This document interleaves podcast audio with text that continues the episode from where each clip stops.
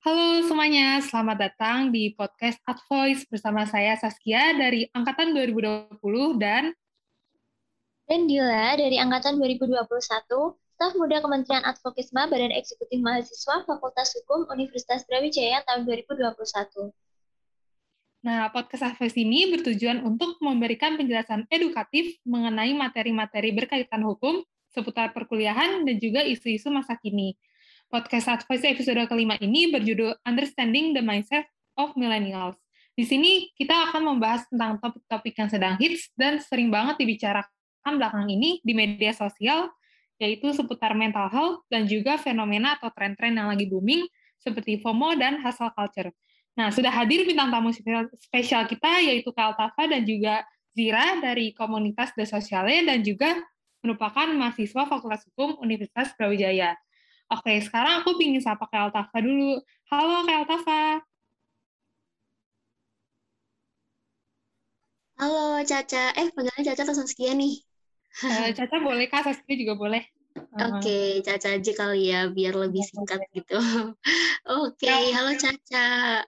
Kenalin, uh, mungkin sambil perkenalan juga buat ke teman-teman yang lagi dengerin podcast ini kali ya, Caca. Boleh, Kak. Oke, okay.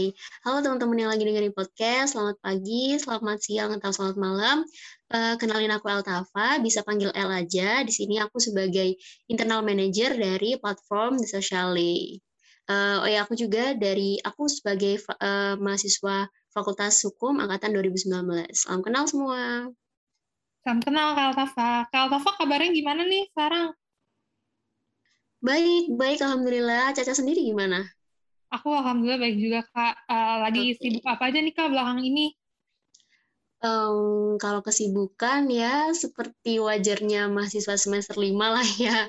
Tugas-tugas sudah mulai kompleks. Terus aku juga sekarang lagi intern nih, lagi join internship di luar di salah satu plat, uh, salah satu uh, platform juga gitu startup.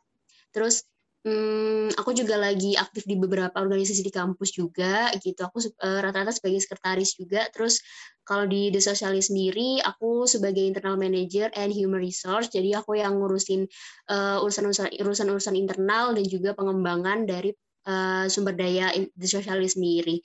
Itu sih Caca kalau kesibukanku. Oke, okay, agak padat ya Kak sibuknya. Uh, semoga oh, ya, semangat terus ya. Oke, siap. Makasih ya, Caca. Ya, sekarang aku mau geser ke Zira. Halo, Zira. Halo, Caca. Uh, Zira, apa kabar nih? Alhamdulillah, kabar baik. Caca gimana? Aku juga baik, Alhamdulillah. Uh, Zira di komunitas sosial ya, bagian apa nih? Ya, kebetulan kenalin ya, aku Zira uh, di komunitas sosial ini aku uh, jadi external relation and platform branding development jadi uh, kayak aku mengurus tentang hubungan antara apa sosialnya sama kayak uh, hubungan luarnya gitu dan di sini aku juga sebagai mahasiswa FUB di angkatan 2020. Oke, okay. uh, kalau kesibukan Zira lagi apa nih belakang ini? Kalau belakangan ini mungkin kesibukan aku cuma kayak organisasi, kuliah, gitu-gitu aja sih.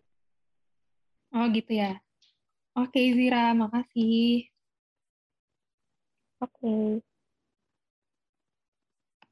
Oke, ini kita bareng narasumber-narasumber yang keren-keren ya hari ini. Mungkin kita boleh langsung masuk ke topik aja kali ya, Kak. Karena sejujurnya aku sendiri tuh udah nggak sabar dengerin pembahasannya. Tapi kita kali ini seru banget nih bahas tentang mental health. Tapi sebelumnya aku penasaran nih, kalau menurut pandangan Kak Zira sama Kak El sendiri, mental health itu apa sih Kak? Apakah menjaga mental health kita agar tetap baik itu memang sangat penting atau bagaimana? Boleh dong Kak sedikit tanggapannya. Mungkin dari Kak El Tafa dulu, nanti disambung sama Kak Zira. Oke, uh, pertanyaan sangat bagus ya teman-teman. Uh, aku juga sebenarnya sangat konsen untuk mempelajari masalah mental health ini.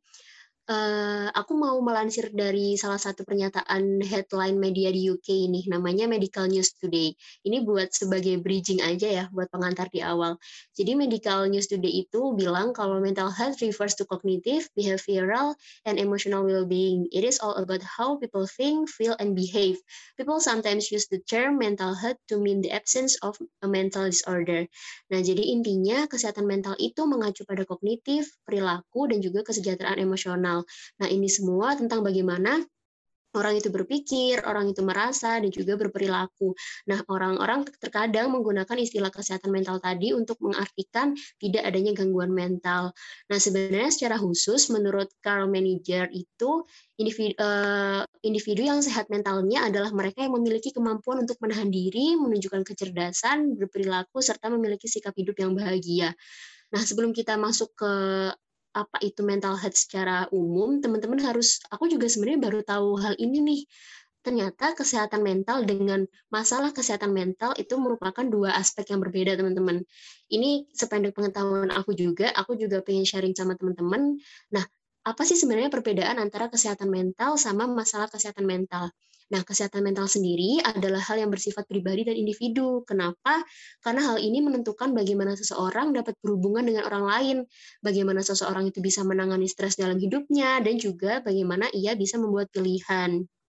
Nah, kesehatan mental sendiri adalah cara kita untuk berpikir, merasakan, dan juga bertindak, seperti yang aku jelasin di awal tadi. Nah, apa bedanya sama masalah kesehatan mental? Nah, kalau masalah kesehatan mental ini adalah serangkaian kondisi yang berdampak pada kesehatan mental kita. Nah, karenanya ini adalah kondisi yang mengganggu suasana hati kita, perilaku kita, pemikiran kita, ataupun cara seseorang berinteraksi dengan orang lain. Nah, kondisi dari masalah kesehatan mental ini sendiri bisa dibagi menjadi beberapa tahap nih. Kalau uh, menurut ini apa ya research aku ya ada yang uh, ringan, sedang dan berat. Hal ini ditentukan berdasarkan apa? Berdasarkan seberapa jauh dampaknya terhadap fungsi harian seseorang. Contohnya ada depresi. Mungkin teman-teman udah juga banyak yang uh, sering dengar ya teman-teman yang lagi dengar podcast ini kayak misal kecemasan, gangguan bipolar, overthinking dan lain sebagainya. Nah, itu sih menurut aku apa itu mental health. Nah, sebe kalau misalkan ditanyain seberapa penting nih, menurut aku sangat penting banget ya karena kesehatan mental yang sehat dan positif itu uh, penting untuk dimiliki karena hal itu memungkinkan orang untuk bekerja secara produktif. Kenapa? Kok aku bilang uh, memungkinkan orang untuk bekerja secara produktif? Karena menurut aku uh, kita nih coba kita bayangin di hal-hal sepele di kehidupan kita. Kalau misalkan saat hari ini nih kita lagi banyak kerjaan baik itu kuliah, organisasi dan sebagainya, tapi kalau kita lagi cemas, kita lagi overthinking, pasti kan kita nggak bisa maksimal tuh dalam mengerjakan sesuatu. Jadi kita nggak bisa produktif gitu kan. Nah akhirnya dengan nggak bisa produktif itu kita nggak bisa mewujudkan potensi kita sepenuhnya, nggak bisa mewujudkan kemampuan kita sepenuhnya untuk uh, menghadapi kegiatan-kegiatan di hidup kita. Jadinya yang nggak bisa maksimal maksimal lah istilahnya gitu. Jadi kenapa mental health itu penting? Karena itu juga sangat berpengaruh dengan perilaku kita sehari-hari. Kalau dari aku sih gitu teman-teman. Mungkin dari Zira bisa saling melengkapi nih.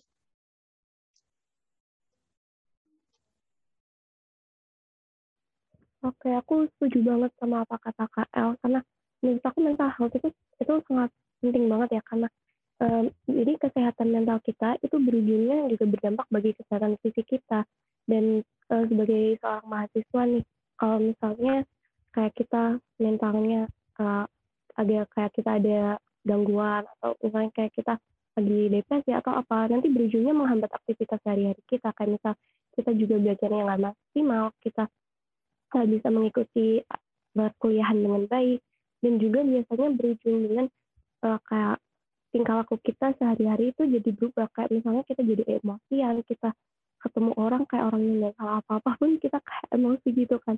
Kasian juga berdampak dengan lingkungan juga jadi e, menurut aku selain kita harus menjaga kesehatan fisik kayak dengan berolahraga apa makan makanan sehat kesehatan mental itu juga sangat penting untuk dijaga biar apa juga kehidupan kita tuh biar nggak terganggu gitu kayak biar jalaninya itu enak gitu sehari-harinya. Mungkin hmm, dari, itu, uh, dari aku gitu Ya, ya, aku setuju banget sih sama Zira. Mungkin pendapat aku sama Zira saling melengkapi gitu ya, Zira ya. Iya, benar banget. Dan ini juga penting banget buat para remaja, kayak nggak boleh disepelein kan lagi uh, kita kayak lagi masa peralihan kan dari anak-anak nih ke menuju dewasa tuh kayak banyak problematika gitu di kota kita biasanya. Iya sama sih kalau dari aku kayak gitu. Oke, berarti tuh mental health itu emang emang penting banget ya untuk kita jaga biar uh, nantinya kita tuh nggak stres gitu ya, kurang lebih kayak gitu kan? Iya bener Ca, biar apa ya, mm, gitu nggak sih Zir, kayak kita tuh harus pinter-pinter buat ngelola emosi kita sih sebenarnya supaya nanti apa ya kesehatan mental itu bisa stabil lah istilahnya ya kan Zir? Iya bener-bener. Oke, sekarang next Kayak pertanyaan selanjutnya. Gitu. Ah ya, Bang. Oke, sekarang aku mau nanya lagi nih, uh, menurut Kak Tafa sama Zira, mental health itu bisa timbul karena pengaruh dari mindset negatif kita nggak sih? Kayak misalkan uh, kayak kita itu terlalu berpikir berlebihan nih, sehingga uh, pikiran tersebut menjadi pikiran yang buruk, padahal pada akhirnya Nah, yang kita pikir berlebihan itu mungkin saja nggak bakal terjadi, kayak misalkan kayak overthinking gitu. Kan dengan begitu jatuhnya kita dibawa stres oleh pikiran kita sendiri. Dan pada akhirnya akan berdampak pada kesehatan mental kita. Kalau menurut kayak Altafa dulu, eh, tanggapannya gimana soal ini?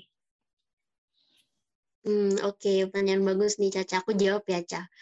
Nah, kalau kalau menurut aku pribadi nih, uh, emang biasanya kesehatan mental tuh kan bisa dipengaruhi sama banyak faktor ya, terutama kayak misal uh, hubungan keluarga, terus gaya hidup, pekerjaan, faktor sosial, ekonomi, lingkungan dan lain sebagainya. Cuman emang menurut aku yang paling berpengaruh ini adalah uh, mindset negatif tadi. Kenapa? Karena menurut aku nih pemikiran negatif yang bermunculan yang bermunculan di pikiran kita sebagai manusia ini pasti nanti lambat laun akan mempengaruhi kesehatan mental kita sendiri. Kenapa? Karena kondisi badan kita tuh itu sangat bergantung sama sama pemikiran kita. Dan kalau kita terlalu membiasakan diri untuk berpikir negatif, kita uh, membiasakan pikiran untuk diisi dengan negatif-negatif, tahu pasti hal ini tuh akan berpengaruh pada stabilnya emosi dan nanti pasti akan muncul rasa overthinking, overwhelm, merasa diri ini sangat kacau dan nantinya itu akan menjadi pondasi awal terjadinya masalah kesehatan mental diri kita sendiri. Nah, oleh karena itu uh, mungkin aku bisa share sedikit tips ini dari aku. Intinya jangan biarin atau jangan biarkan jangan kasih jangan kasih makan pikiran kita dengan hal-hal negatif yang apalagi hal negatif itu masih bersifat asumsi gitu. Biasanya kan kita remaja nih ya, pasti kita kayak overthinking. Biasanya overthinking itu kepada hal-hal yang masih belum pasti kan, masih kayak asumsi-asumsi kita gitu nggak sih? Nah, uh, kalau menurut aku nih jangan jangan biasakan uh, ngisi pikiran kita dengan hal, kayak gitu gitu. Karena hal itu tuh pasti akan membuat banyak dampak buruk bagi kita terutama tentang masalah kesehatan mental kita. Gitu sih cakal dari aku. Kalau menurut Zira sendiri gimana?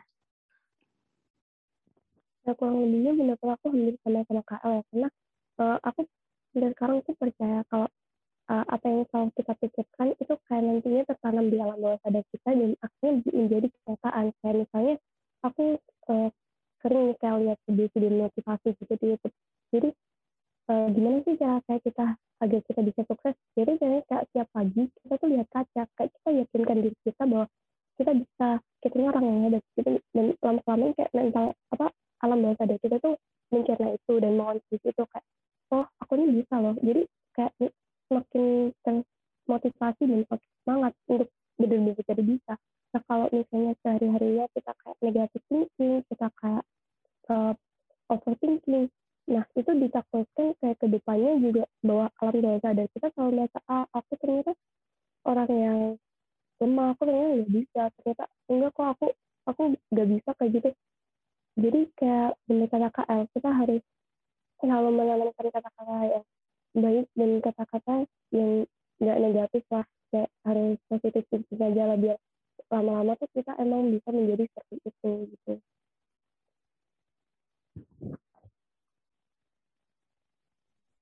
Ini ternyata beneran ya kak kalau mindset yang kita punya tuh bener-bener banyak mempengaruhi diri kita. Jadi penting banget buat mikir yang positif positif bener ya kak kayak gitu? Iya bener, bener banget. ya Aku setuju yeah. juga sih sama pendapat Zira tadi. Heeh. Ya bener sih kayaknya dari dari pertanyaan pertama kita saling melengkapi ya Zir. Emang uh, kayaknya aku sama Zira juga juga kayaknya satu persepsi gitu deh. Iya, jadi gitu teman-teman uh, emang sangat berpengaruh banget masalah negatif talk itu ke ini kesehatan mental kita. Oke, ini obrolan kita makin menarik ya kak. Lanjut ya, mungkin aku mau tanya nih. Aku mau tanya nih kak tentang tren yang belakangan ini sering banyak diomongin nih. Soalnya dari yang aku kepoin, sebenarnya aku sempat baca-baca nih cuitan orang di sosial media kalau ada lifestyle yang bisa muncul karena kita punya mindset yang salah nih. Disebutnya FOMO atau fear of missing out perasaan takut ketinggalan tren gitu. Jadi contohnya kayak oh, misal ada kafe kayak misal ada kafe baru, terus teman-teman udah pada ke sana nih, udah pada update status juga di Instagram. Terus kitanya panik karena belum ke sana, nggak mau ketinggalan. Akhirnya kita ikut-ikutan pergi ke sana juga cuma demi ngikutin tren. Ini tren yang kayak gini tuh gimana nih Kak menurut kakak-kakak ini? Bahaya atau bagaimana untuk diri kita? Mungkin uh, boleh dari Kak El atau Kak Sira dulu. Oke, dari Zira dulu gimana? Tadi aku udah dua kali nih. Oke, boleh Kak. Oke. Mungkin terkait FOMO atau fear of missing out ya. Nah, jadi aku tadi juga uh, udah sempat baca-baca tentang FOMO ini, itu ternyata kayak kita cemas akan ketinggalan tren dan juga hal-hal yang kayak kesilian gitu ya. Jadi semakin berlomba-lomba untuk kayak dulu-duluan nih, oh, aku udah tahu ini, aku udah tahu itu gitu um, menurut aku tren ini tuh bahaya banget apalagi terutama buat kita ya kayak kaum milenial kayak kaum ini juga banyak banget disebabkan oleh sosial media ternyata uh, menurut aku ya kalau misalnya kita kayak takut untuk ketinggalan sesuatu hal yang baru uh, hal yang baru nggak akan ada hentinya nggak akan ada yang nggak akan ada berhentinya nggak akan ada stopnya gitu. Jadi sampai kapan kamu mau bakal selalu takut untuk ketinggalan itu? Kayak kita nggak mau nggak mau apa telat update gitu ya. Kayak misalnya uh, sekarang lagi trennya iPhone 12 nih terus habis itu iPhone 13 nih itu sekarang kan iPhone 13 nih akan punya jadi ke, uh, kamu sampai kapan mau kayak gitu? Nanti kalau uh, ke depan ke depannya kan akan muncul seri-seri terbarunya dan apakah akan selalu kamu kayak harus ganti HP dengan beli lagi beli lagi gitu untuk mengikuti hanya sekedar untuk mengikuti tren ini dong dan uh, aku baca tentang kayak dampak-dampaknya FOMO ini juga cukup cukup berbahaya ya karena uh, FOMO ini bisa kayak menurunkan rasa percaya diri seseorang misalnya ketinggalan sesuatu hal dia kayak nggak pede. Habis itu bahkan mengganggu produktivitasnya dia juga dia bisa berisiko terhadap masalah psikologisnya. Dan ini juga meningkatkan perasaan negatif seseorang. Jadi kalau misalnya dia kayak ketinggalan tren kemudian dia kayak bisa sampai depresi gitu kan hal ini bahaya. Terus uh, dan dan juga selamanya kan orang tuh nggak bisa ya selalu kayak dia jadi yang nomor satu nih jadi yang pertama banget tentang tren itu menurut aku ini bakal ganggu banget buat sehari harinya kalau misalnya dia nggak juga ditangani dan mungkin aku punya beberapa saran ya buat anak-anak yang mungkin merasa kayak udah uh, kayak aku aku FOMO nih aku kayak uh, cemas nih kalau misalnya ketinggalan tren. Karena sebenarnya aku sendiri kurang banget ya dan aku kayak lihat teman-teman sekitar aku juga mereka yang uh, biasa-biasa aja sih nggak sampai yang berlebihan ya jadi mungkin untuk uh, untuk beberapa yang merasa memiliki ke kecemasan ini aku mungkin saranin buat mereka untuk membatasi deh membatasi pakai gadget. Jadi kayak mungkin HP-nya kayak bisa dikasih waktu gitu kayak misal udah jam berapa itu udah ada remindernya kayak waktunya istirahat terus um, lebih fokus aja gitu ke kehidupan nyata karena biasanya orang-orang yang FOMO ini dia lebih merasa kayak hidupnya itu ada di kehidupan maya. Jadi bukan kehidupan yang sebenarnya. Dan kemudian aku pengen kayak um, cobalah untuk lebih menghargai diri sendiri. Kayak kamu juga lama-lama bakal capek kalau kayak gitu. Jadi mungkin kalau aku gitu sih. Nggak nggak ini sih nggak menyarankan untuk memiliki tren ini kalau kalian gimana kak? Oke, aku masuk kali ya teman-teman. Uh, aku setuju banget sih sama pendapat Zira tadi. Mungkin aku mau nambahin dikit lah ya sama aku juga udah beberapa udah uh, sering beberapa kali sih uh, ngebaca jurnal atau dari website-website luar gitu tentang FOMO ini gitu. Karena aku sendiri jujur aku juga uh, sedikit bisa relate sama masalah FOMO ini. Karena pasti kita sebagai generasi zaman sekarang siapa sih yang nggak yang nggak takut akan ketinggalan sesuatu gitu ya? Uh, terutama yang berhubungan sama masa depan gitu kalau menurut aku. Nah tapi uh, sependek pengetahuan aku nih yang aku baca sebenarnya istilah penyebutan FOMO atau fear of missing out itu pertama kali dikemukakan oleh seorang ilmuwan asal Britania Raya bernama Dr. Andrew yang pada tahun 2013 itu dan akhirnya sejak saat itu sudah sudah tercantum di kamus Oxford gitu.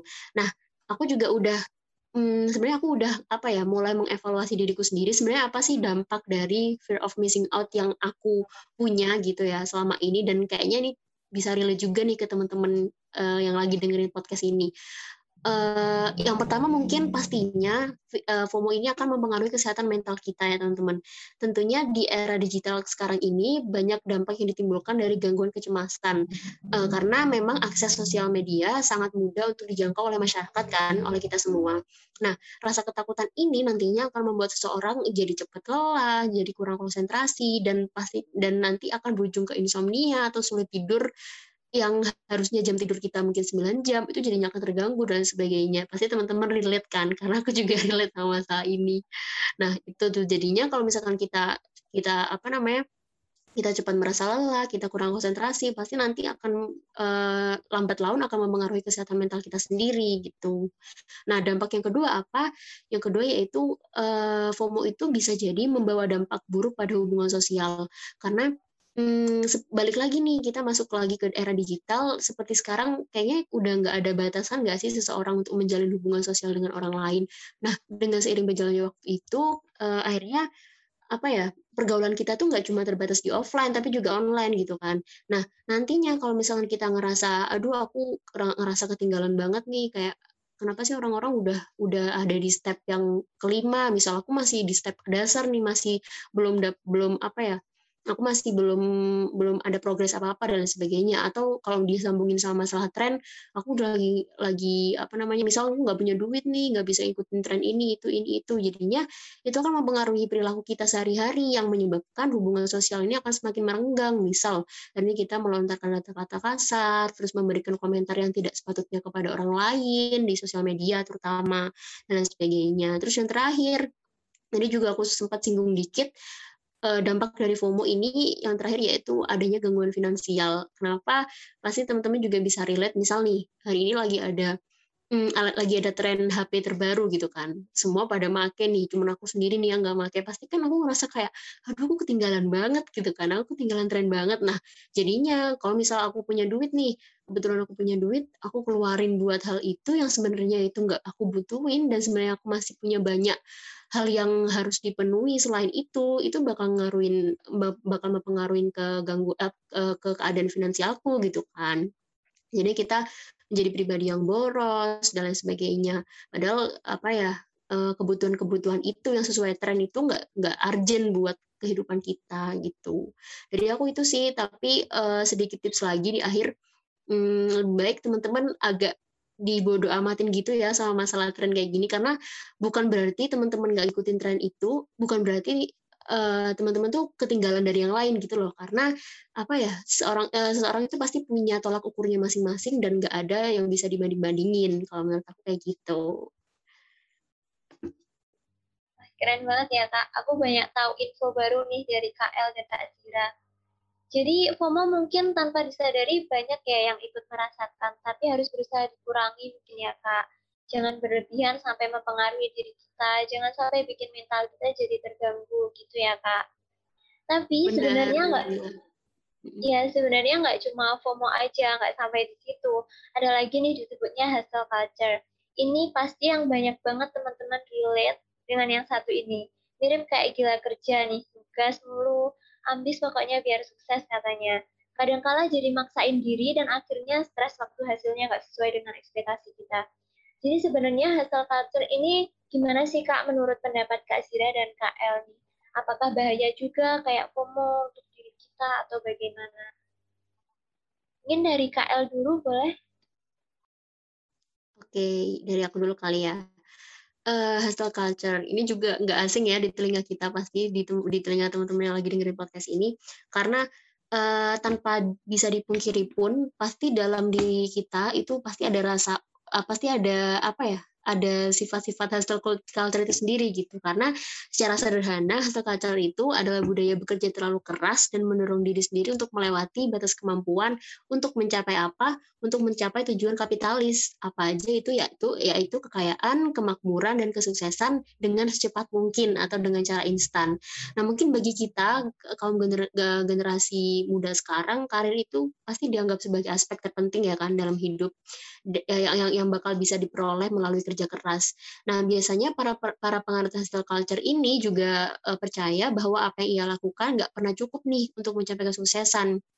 Jadi kayak uh, meskipun kita berusaha keras nih, kita uh, kita nggak misal kita kerja dari pagi sampai malam, kita ngurangin waktu istirahat kita, kita ngeskip jam makan kita dan lain sebagainya itu berasa hebat banget nih berasa wah aku udah sukses sukses. Padahal tolak ukur sukses enggaknya seseorang itu enggak dari situ gitu. Tapi menurut aku dari gimana seefektif apa kita tuh bisa ngatur jam uh, jam di sehari kita 24 jam itu gimana cara kita bisa ngatur seefektif mungkin gitu. Kalau menurut aku itu. Karena balik lagi yang aku bilang tadi nggak ada tolak ukur uh, orang itu bisa sukses atau enggak gitu loh. Kita nggak bisa ngebandingin diri kita sama ukuran orang lain tuh nggak bisa gitu kan Nah, sebenarnya dari yang aku pelajari juga, sebenarnya apa sih penyebab-penyebab dari hustle culture ini? Nah, ada beberapa nih teman-teman yang mungkin aku bisa relate dan teman-teman juga bisa relate. Yang pertama karena kemajuan teknologi. Balik lagi nih, kemajuan teknologi ini adalah salah satu penyebab hustle culture paling besar gitu ya, karena Hmm, karena kan smartphone sekarang, handphone kita itu uh, hanya berfungsi untuk berkomunikasi saja ya, tapi kan juga saran untuk bekerja, apalagi di musim pandemi kayak gini, apa-apa online, apa-apa WFH dan sebagainya gitu kan. Nah, tanpa disadari uh, dengan adanya sosial media itu tadi, berbagai sosial media itu tadi, itu bisa bikin seorang uh, bekerja terus menerus jadi kayak nggak ada jam kerja yang pasti gitu loh. Apalagi yang aku tahu dari uh, aku kan juga sekarang lagi join internship gitu-gitu kan. Biasanya banyak internship itu yang uh, menyatakan bahwa mereka tuh nggak ada jam kerja. Jadi mereka tuh punya jam kerja fleksibel. Nah justru dari kata dari kalimat jam kerja fleksibel itu menjadi apa ya istilahnya tuh red flag gitu kayak apa ya bendera merah bagi kita. Kenapa? Karena dari jam kerja fleksibel itu nanti yang akan mengakibatkan kita jadi uh, membangun budaya hustle culture sendiri gitu. Karena jadi kayak kita nggak ada nggak ada waktu yang nggak ada waktu yang pasti untuk kapan kita harus mulai kerja dan selesai kerja gitu kan itu kalau yang masalah uh, kemajuan teknologi. Terus yang kedua konstruksi sosial. Jadi emang nggak bisa dipungkiri ya teman-teman bahwa um, emang masih banyak orang yang menilai bahwa tolak ukur kesuksesan hidup seseorang itu adalah jabatan dan kondisi finansial yang baik. Pun aku juga kayaknya masih uh, beranggapan seperti itu gitu kan. Nah, um, alhasil banyak kaum muda kita kita itu yang terpacu untuk menghasilkan uang sebanyak banyaknya untuk beli apa yang orang lain punya, misal kayak rumah, kendaraan, atau sekedar meningkatkan taraf hidup mereka. Meskipun tujuannya baik nih teman-teman, hal ini tuh tidak selamanya benar gitu. Hustle culture ini uh, malah memaksa seseorang untuk bekerja, tidak tidak mengenal lelah, dan hanya bisa dipandang hanya demi bisa dipandang sukses oleh lingkungan sekitar gitu. Itu juga tadi bisa disangkut pautin sama FOMO tadi ya, dengan adanya kita takut nih untuk ketinggalan, akhirnya kita bekerja keras, nggak kenal waktu, nggak ngerti kapasitas kita sekuat apa, akhirnya kita membangun budaya hustle culture itu sendiri dari adanya FOMO. Bisa nyambung gitu ya ternyata teman-teman. Terus yang terakhir kayaknya uh, ada namanya toxic positivity Nah, ini hal ini tuh bisa diartikan sebagai dorongan untuk tetap berasumsi positif meski sedang mengalami situasi tertekan. Misal nih, kita udah kerja dari pagi sampai malam nonstop, makan cuma sekali, terus mandi nggak sempet dan lain sebagainya. Terus habis itu kita biasanya kita curhat gitu ya kalau kita ke teman kayak aduh aku capek banget nih hari ini terus ada temen yang nyeletuk nih kayak ah masa gitu aja capek ayo dong semangat padahal boleh kita tuh menyemangati teman boleh kita itu apa ya mengeluarkan kata-kata positif tapi bukan berarti kita tuh harus selalu kuat gitu loh. Kita tuh nggak apa-apa capek kita tuh nggak apa-apa sesekali buat istirahat buat rehat gitu. Biar nggak muncul toxic positivity ini tadi gitu. Nah biar nggak kejebak di hustle, hustle culture ini mungkin teman-teman bisa uh, melakukan beberapa hal. Yang pertama coba untuk menormalkan namanya istirahat gitu loh Terus yang kedua mungkin uh, cobalah bekerja cerdas karena kerja keras itu emang nggak salah, tapi kerja cerdas itu adalah langkah lebih maju lagi daripada kerja keras. Dari aku gitu sih. Mungkin bisa disambung sama Zira. Oke, gimana? Uh, sebenarnya waktu uh, aku dapat materi ini ada hustle culture dan aku pelajarin kayak ini sih ternyata sangat uh, kayak gila kerja karena semakin berkembangnya zaman juga standar kehidupan orang semakin tinggi dan juga setiap orang tuh semakin dituntut untuk berlomba-lomba untuk menjadi yang terbaik. Ini aku langsung ingat kalau aku tuh pernah ini pernah minta ke Kak apa tentang uh, sebuah tweet tentang bahas seorang yang burnout itu loh kak dan emang kita punya ketertarikan yang sama tentang ini kayak iya kita kayaknya pernah jangan, jangan kita kayaknya pernah bahas ya. itu juga ya ya iya kita kayak udah pernah uh, satu ketertarikan tentang hustle culture ini ini menurut aku hustle culture ini itu gimana ya makin kayak misalnya uh, tahun-tahun sebelumnya nih misal tahun 2000-an kan orang mungkin orang baru kerja tuh kayak baru umur 24, 23 setelah dia lulus kuliah. Kemudian semakin ke sini, semakin ke sini, orang tuh semakin, ah kuliah bisa sambil kerja, kayak, ah gak mau buang-buang waktu lah, kayak, ngapain sih, kayak lama-lama, kayak uh, cuma kuliah doang, tapi nggak disambi, karena sekarang tuh juga emang kita nggak bisa memungkiri bahwa pengalaman tuh juga sangat dipentingkan dalam perekrutan kayak karyawan atau lainnya.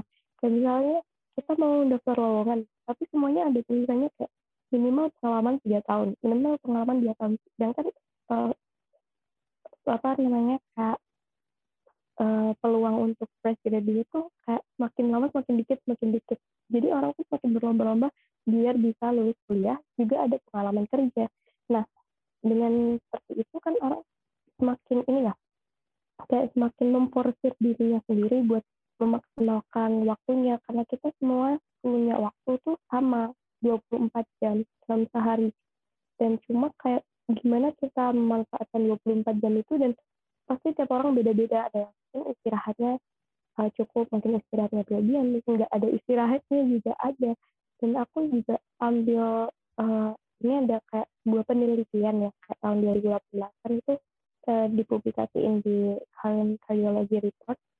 Ini tuh kayak ambil sampel dari uh, subjek-subjek orang-orang dari Eropa, Jepang, terus kayak Korea Selatan, Cina. Jadi mereka tuh kayak membuat uh, meneliti bahwa orang yang bekerja lebih dari 50 jam per minggunya itu ditemukan memiliki peningkatan resiko penyakit kardiovaskular dan juga cerebrovaskular atau uh, kayak ini tuh contoh penyakitnya kayak serangan jantung dan juga jantung koroner.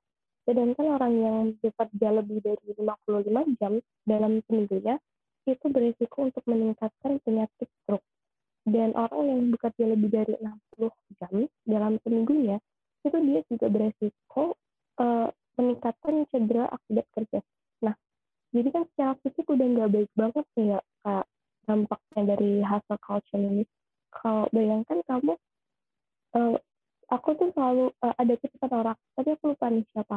Cuma dia tuh bilang kayak gini buat apa kamu punya duit banyak tapi kamu sakit-sakitan? Jadi ntar tuh duit kamu juga habis buat berobat misalnya kayak kita selama masa muda kita kayak gencar banget bekerja bekerja ngumpulin duit ngumpulin duit tapi di masa tua di masa tua tuh kita sakit-sakitan yang penyakit inilah penyakit itulah bangun dari tempat tidur susah lah dan duit yang kita kumpulin dari dari kita muda tadi di, di masa tua tuh habisnya cuma buat apa kayak biaya rumah sakit, buat biaya pengobatan dan lain sebagainya. Jadi kenapa kayak dari awal tadi aku selalu bilang kayak jaga kesehatan, jaga kesehatan karena kesehatan itu penting. Buat apa kamu sukses tapi kamu penyakitan, iya kan? Selain dari dampak fisiknya, hasil kalsium uh, juga lumayan berdampak banget nggak lumayan lagi sih bener-bener berdampak secara mental karena secara mental dia bisa menyebabkan orang depresi, burnout, cemas dan bahkan mungkin itu beberapa orang yang benar-benar tidak bisa mengatasi ini. Itu bisa menyebabkan seseorang bunuh diri. Bunuh diri karena dia merasa kayak ah aku nggak bisa tuh kayak kalau kayak gitu terus kayak buat apa aku hidup? Jadi um, menurut aku uh, cara-cara menangani hasil culture ini ya kayak beberapa tips yang udah dikasih sama KL mungkin dari aku yang pertama tuh harus ada kesadaran diri. Jadi kayak kesadaran diri bahwa oh aku nggak normal sih kalau jam kerja aku kayak gini aku nggak ini sih. Aku nggak worth it sih kalau aku harus kayak gini terus. Jadi kayak kamu harus mulai sadar kamu tuh harus membagi waktu kerja dan juga waktu istirahat kamu. Kemudian yang langkah kedua sih menurut aku harus self reward ya. Kayak misalnya kamu udah berapa hari ini kerja benar-benar kerja dari pagi sampai malam terus kan di, di weekend terus kayak udah lah itu istirahat aja lagi weekend. Mungkin kamu mau jalan-jalan ke pantai kamu mau istirahat atau mau nongki sama teman itu oke okay. saya kan nggak harus 24 jam dalam tujuh hari itu kamu bekerja. Kemudian yang ke tiga mungkin tips dari aku yaitu bekerja keras tapi juga istirahat keras. Kalau saya tadi kan ini ya bekerja cerdas ya kalau nggak salah. Nah jadi misalnya kamu eh, kerja 8 jam ya kamu imbangin istirahatnya jangan tidak sejam dua jam doang kemudian kalau aku kamu harus punya standar yang realistis. Kayak uh, kamu harus menetapkan target kamu. Karena kalau kamu nggak punya target mau kamu bekerja sampai kapan pun tuh kamu nggak akan merasa puas. Jadi kayak merasa oh aku masih kurang masih kurang masih kurang. Jadi semakin kamu merasa kurang-kurang terus dan juga kamu nggak tahu harus berhenti di mana. Dan yang terakhir mungkin dari aku uh, untuk mengurangi hustle culture ini yaitu harus selalu bersyukur. Jadi kayak merasa setiap harinya tuh kayak kamu harus bersyukur kayak Tuhan ke diri kamu sendiri ke lingkungan kita kayak oh aku udah bisa sejauh ini ya aku uh, mungkin dengan kamu bersyukur itu kamu jadi bisa menetapkan batasan-batasan pada diri kamu dan juga nggak memforce kamu sampai berlebihan ke situ itu dari aku kayak gitu sih Oke, bermanfaat banget ya Kak. Setelah dengar ini tuh sebenarnya aku semakin yakin kalau aku tanpa disadari juga termasuk dari banyaknya orang-orang yang terjebak yang turut kena hasil culture ini sendiri. Kak Saski ngerasain itu juga nggak sih Kak? Iya, aku ngerasain banget sih kalau hasil culture, apalagi kita uh, sebagai mahasiswa pasti kan kerjaannya nugas mulu. Nah, kalau misalkan Zira sama Kyle Tafa lebih ke FOMO atau hasil culture nih?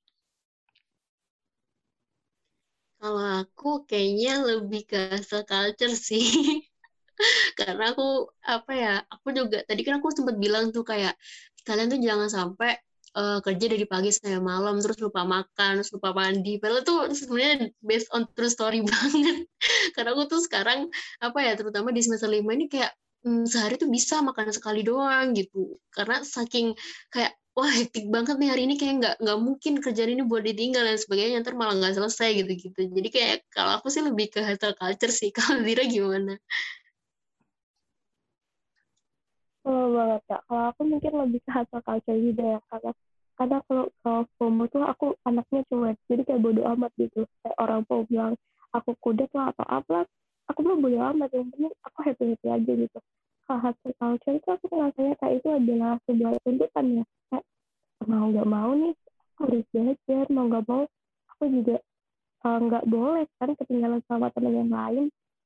Uh, juga aku lama banget kayak kak, kak kalau misalnya lagi banyak banget nih tugas kayak dari pagi sampai malam gitu kadang-kadang bisa lupa kayak waktu malam baru baru iya kan okay, ini belum makan. Tadi itu belum makan dari tadi katanya belum makan iya sama sama iya bener bener bener Iya, kayaknya hustle culture itu kita-kita semua deh kayaknya. Terus, tapi tuh kadang aku ngerasa kayak ada sisi positifnya juga dari si hustle culture ini, Kak. Kadang jadi aku tuh lebih bertanggung jawab sama tugas-tugasku. Jadi kalau menurut versiku mungkin sebenarnya ada sisi positifnya dari hustle culture dan FOMO ini. Tapi karena beberapa orang uh, mungkin nggak bisa menyikapinya dengan baik, jadi uh, dilihatnya tuh kayak terkesan negatif gitu kali ya, Kak. Terus ini nih, uh, aku mau tanya ini. Meskipun beberapa orang kayak aku kan nganggapnya ada sisi positifnya, tapi apakah lantas tren ini tuh cocok dijadiin budaya di kalangan anak muda, di kalangan mahasiswa gitu? Gimana nih Kak El dan Kak Zira? Oke, dari siapa dulu nih? Dari Zira dulu atau aku? Uh, dari Kak dulu nggak apa-apa deh. Dari Zira dulu kali ya. Boleh. Oke. Uh, jadi kayak perkataan dari uh, Dila ya tadi kan. Um, mungkin emang dari Romo dan juga atau culture ini aku uh, aku mengakuin bahwa mereka tuh ada sisi positifnya. Kita ambil aja contoh positifnya misal FOMO deh. Jadi kan FOMO itu kayak kita nggak mau ketinggalan tren ya kayak harus selalu ngikutin uh, yang update update gitu. Nah ini juga bagus. Ini bagus banget buat orang pengusaha menurut aku. Kayak misalnya pengusaha brand-brand minuman atau brand-brand makanan dia nggak boleh banget ketinggalan tren kayak uh, dia harus selalu seperti apa yang tren lagi kekinian uh, itu agar meningkatkan hasil uh, produksi mereka dan juga meningkatkan penjualan mereka. Nah, tapi FOMO ini uh, dari sisi positif, positif itu akan bisa diperoleh kalau kita bisa kontrol, kita, kita bisa kontrolin dan juga kita bisa mengatur.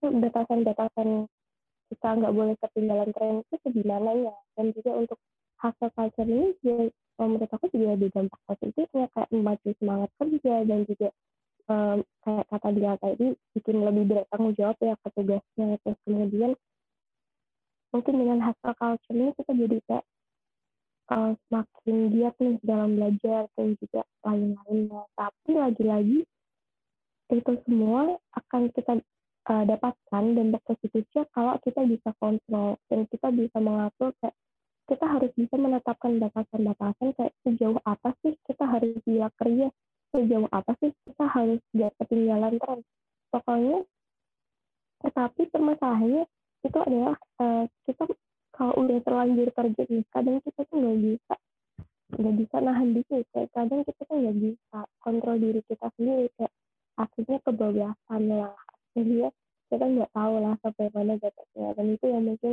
harus lebih dilatih lagi dengan beberapa orang yang mungkin udah ngerasain gejala-gejala dari hasil culture dan FOMO. Aku itu sih. Gimana, Kak? Oke, aku setuju banget sih sama pendapat Zira. Mungkin aku mau nambahin dikit aja ya, karena udah disampaikan Zira juga secara umumnya. Uh, hustle culture ini punya sisi positif nggak sih gitu ya? Dan gimana caranya biar uh, sisi positif ini ada di diri kita gitu. Nah caranya menurut aku cuma satu ciptakan hustle culture versi kita sendiri yang benar-benar sesuai sama karakter kita kepribadian kita kebiasaan dan juga keinginan kita. Nah mungkin kita bisa ngambil beberapa aspek positif dari hustle culture ini kayak kerja keras sama ketekunan bekerjanya gitu kan. Nah tetap buang yang buruk untuk menciptakan gaya hidup sehat yang bakal menyeimbangkan kerja keras dan kondisi mental kita yang sehat nantinya. Nah, sebenarnya produktivitas itu adalah hal yang baik yang pastinya perlu dijaga. Tapi kalau misalkan hal itu digunakan sebagai standar sosial untuk membandingkan kita dengan orang lain, lalu nantinya akan mengesampingkan privasi dan ketenangan kesehatan mental kita sendiri, tentunya akan menjadi hal yang tidak baik. Intinya itu tadi ciptakan hustle culture versi kita sendiri, kita yang tahu batasan kita, kita yang tahu kemampuan kita, kita yang tahu uh, kebiasaan-kebiasaan dalam sehari-hari kita, berarti kita juga bisa ngerti sampai mana kita harus kerja keras dan sampai mana kita juga harus tekun bekerja. Itu sih kalau dari aku. Oke, mantap banget nih Kak. Ciptain hasil culture kita sendiri. Itu bakal bermanfaat banget sih buat aku.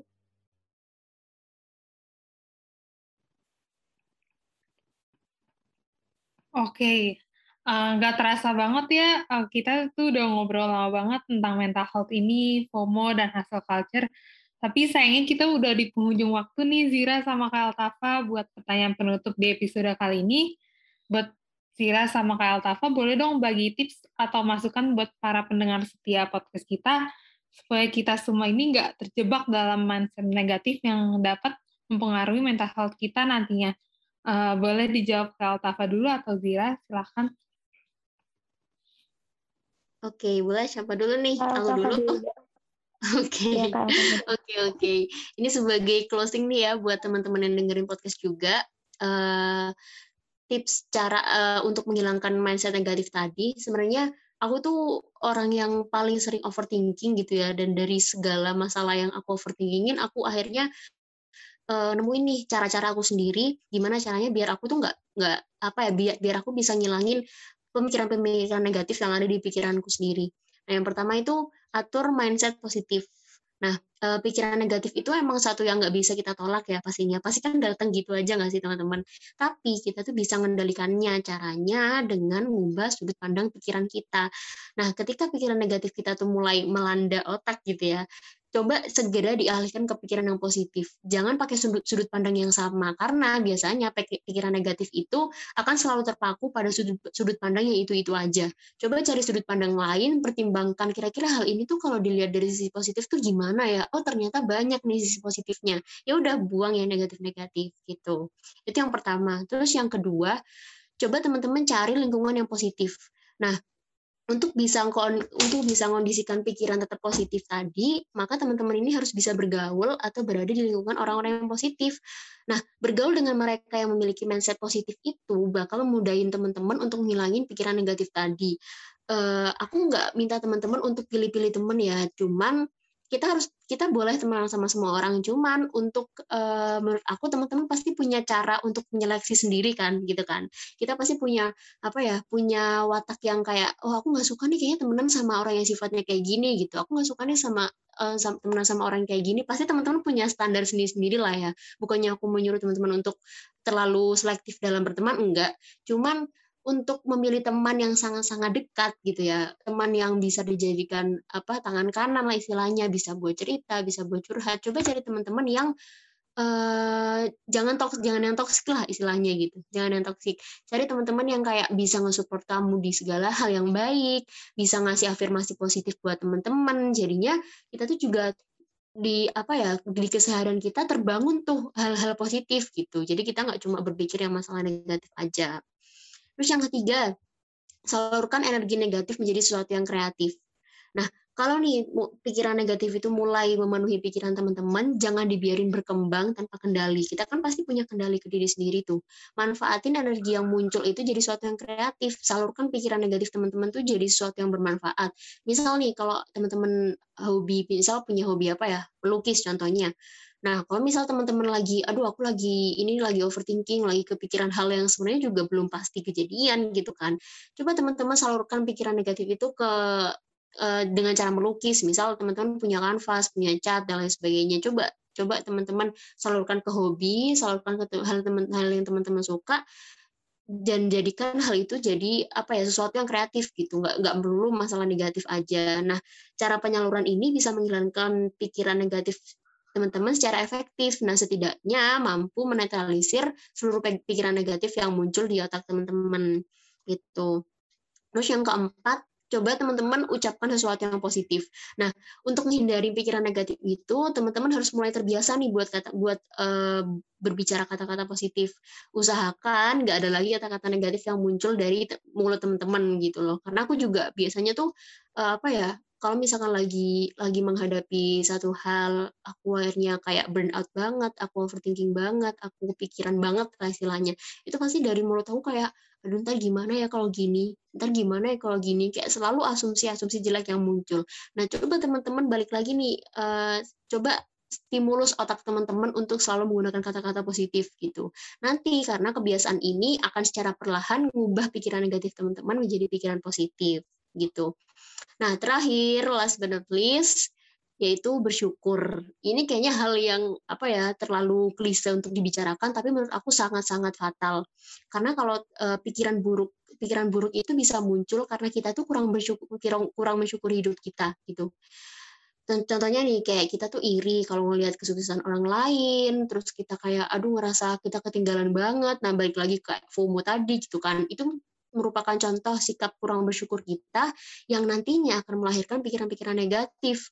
Nah, balik lagi, ingat teman-teman, kesuksesan tiap orang itu beda-beda dan nggak ada tolak ukurnya. Jadi jangan sampai teman-teman membandingkan diri sendiri ke sama uh, standar orang lain karena emang nggak bisa dibandingin gitu loh kita punya standar sendiri orang lain orang lain juga punya standar sendiri akan lebih baik kalau kita tuh bisa mensyukuri apa yang dimiliki saat ini intinya terakhir yaitu bersyukur kalau dari aku itu karena aku bisa sharing ini ke teman-teman sedikit uh, ilmu yang aku punya karena ini juga it works banget ke aku gitu ya. Ini benar-benar bisa apa ya bekerja banget buat ngilangin mindset-mindset negatif itu tadi. Semoga apa yang aku sampaikan sekarang ini bisa bermanfaat buat teman-teman. Tentunya untuk kontrol negatif-negatif thinking tadi. Itu sih dari aku kalau dari Zina gimana kalau dari aku mungkin ada beberapa yang udah disampaikan sama Kak juga terkait kayak bersyukur dan juga lingkungan yang positif ya. Karena menurut aku dua hal ini merupakan kunci utama nih Kak dalam kita bisa terlepas dari pemikiran yang negatif. Karena lingkungan tuh menurut aku benar-benar ya. Bahkan kalau misal aku disuruh milih nih kayak mau pindah lingkungan yang lingkungan sekitarnya lebih positif dari lingkungan yang sekarang tapi nggak bakal ambil nggak bakal berpikir lama dan pasti langsung mengiyakan karena lingkungan juga mendorong kita banget untuk menjadi lebih baik. Kemudian untuk tips-tips yang lain dari aku uh, mungkin uh, yang pertama bisa untuk menetapkan role model kak. Uh, ambillah kita uh, mungkin kamu ngefans sama siapa mungkin kamu punya idola siapa yang dia emang orang hebat dan juga orang baik. Mungkin kamu bisa menetapkan dia sebagai role model kamu dan juga kamu bisa mempelajari sikap-sikap dia, menentukan mana nih sikap yang bisa kamu adopsi dari apa yang dia lakukan. Kayak misalnya uh, kamu uh, mengidolakan seorang artis atau seorang tokoh terkenal, tokoh ternama, dan kemudian orang itu memiliki uh, sikap yang oh, orang ini selalu rendah hati, orang ini selalu membantu sama satu sama lain. Mungkin kamu bisa mengadopsi sifat-sifat itu dari dia. Karena biasanya tuh orang-orang tuh kayak uh, baru bisa mempan kalau ada contohnya gitu kayak ada yang ini ada yang me, ada yang melakukan dulu. Jadi uh, mungkin kamu bisa mempelajari hal itu dari orang orang udah besar sekarang. Kemudian yang kedua mungkin uh, dari aku itu lebih mengenal diri sendiri dan juga uh, dan juga lebih menerima diri sendiri. Jadi kayak uh, kamu harus menerima gitu kamu kamu yang sekarang. Mungkin itu susah kan misalnya kita belum merasa ah aku sih kayaknya belum ya, belum cukup sampai di sini aku uh, kayaknya masih kurang gini sih itu uh, kamu harus belajar kayak sekarang belajar sedikit demi sedikit untuk ikhlas menerima diri sendiri. Karena hal ini walaupun sulit tapi juga uh, lama kelamaan akan berdampak gitu untuk diri kita bisa lebih sering berpikir positif. Kemudian juga uh, lebih daripada selalu kayak memikirkan ketidaksempurnaan kamu atau kekurangan kekurangan kamu kenapa kalian nggak memikirkan uh, bagaimana cara kamu kayak untuk mengembangkan kelebihan kamu biar kamu bisa menjadi orang yang lebih baik. Kemudian saran yang ketiga dari aku mungkin kamu bisa mulai untuk curhat. Curhat dalam artian kamu kayak berbagi pikiran dengan orang lain mungkin orang terdekat kamu mungkin uh, kayak teman kuliah atau tetangga kamu kayak teman main kamu. Karena apa? Kan dengan kamu curhat itu kamu akan mendap uh, kamu akan mendapatkan pandangan lain dari orang. Jadi kayak misalnya kamu cerita nih ada ke apa ini kayak pandangan kamu tuh uh, misal isinya lagi negatif semua nih. Oh gimana sih si ini kayak gini gini gini. Kamu curhatin aja ke teman kamu. Mungkin dengan itu teman kamu bisa memberikan saran bisa memberikan pandangannya bisa memberikan poin of view-nya.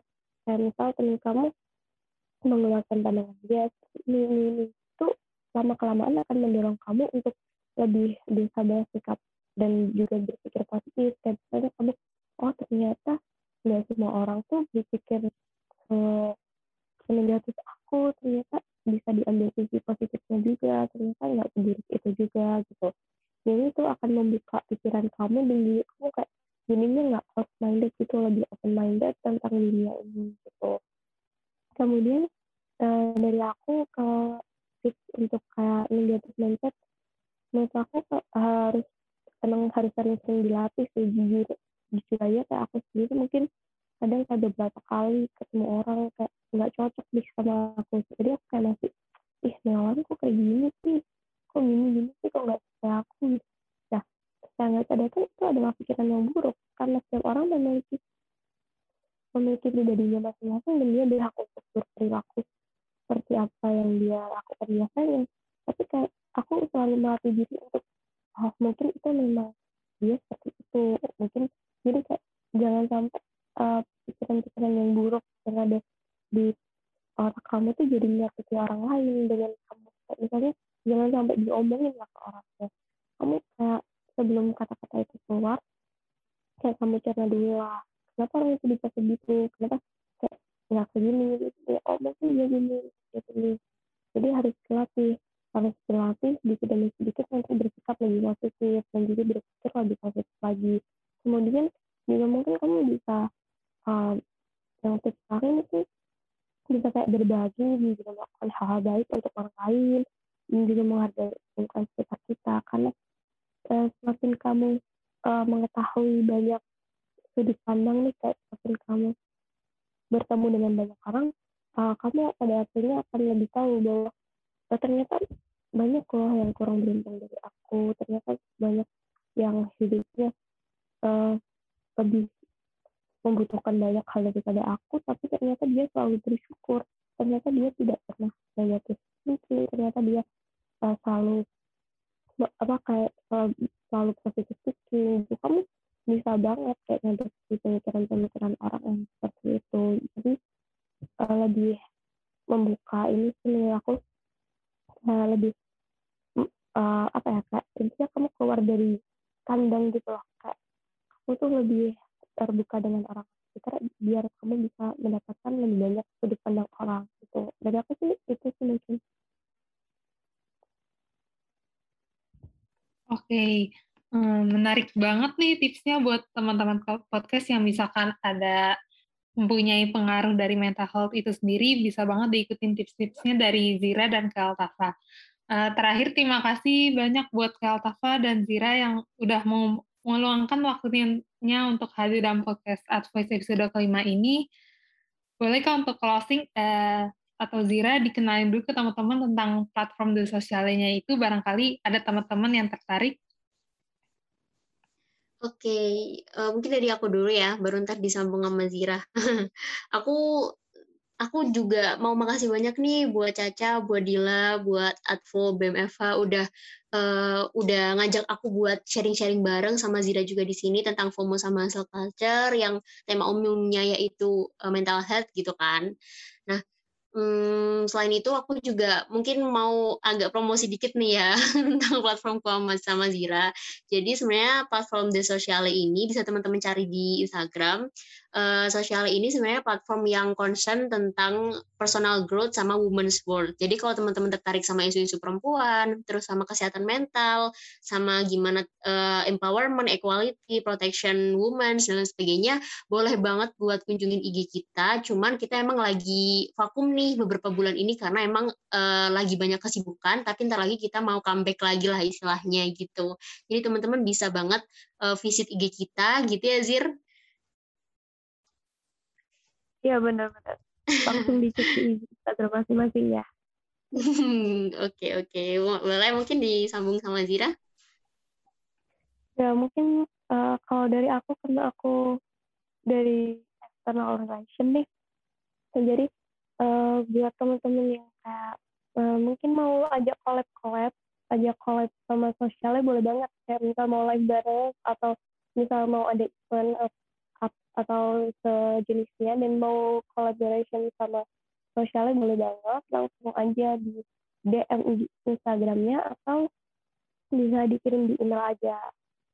Mungkin dari aku itu aja sih Oke, nah tuh teman-teman podcast bisa banget kalau misalkan ada yang kepo tentang keperempuanan bisa langsung dicek Instagramnya @sosiale. Uh, sekali lagi terima kasih banyak ya Kak Tafa dan Zira yang udah menyempatkan hadir dan memberikan materi yang luar biasa di podcast Advice hari ini. Sekian buat podcast Advice episode kali ini. Semoga pembahasan pada podcast episode kali ini dapat bermanfaat. Terima kasih banyak juga bagi teman-teman setiap podcast Advice yang sudah mendengarkan. Sampai jumpa di podcast Advice episode selanjutnya. See you guys!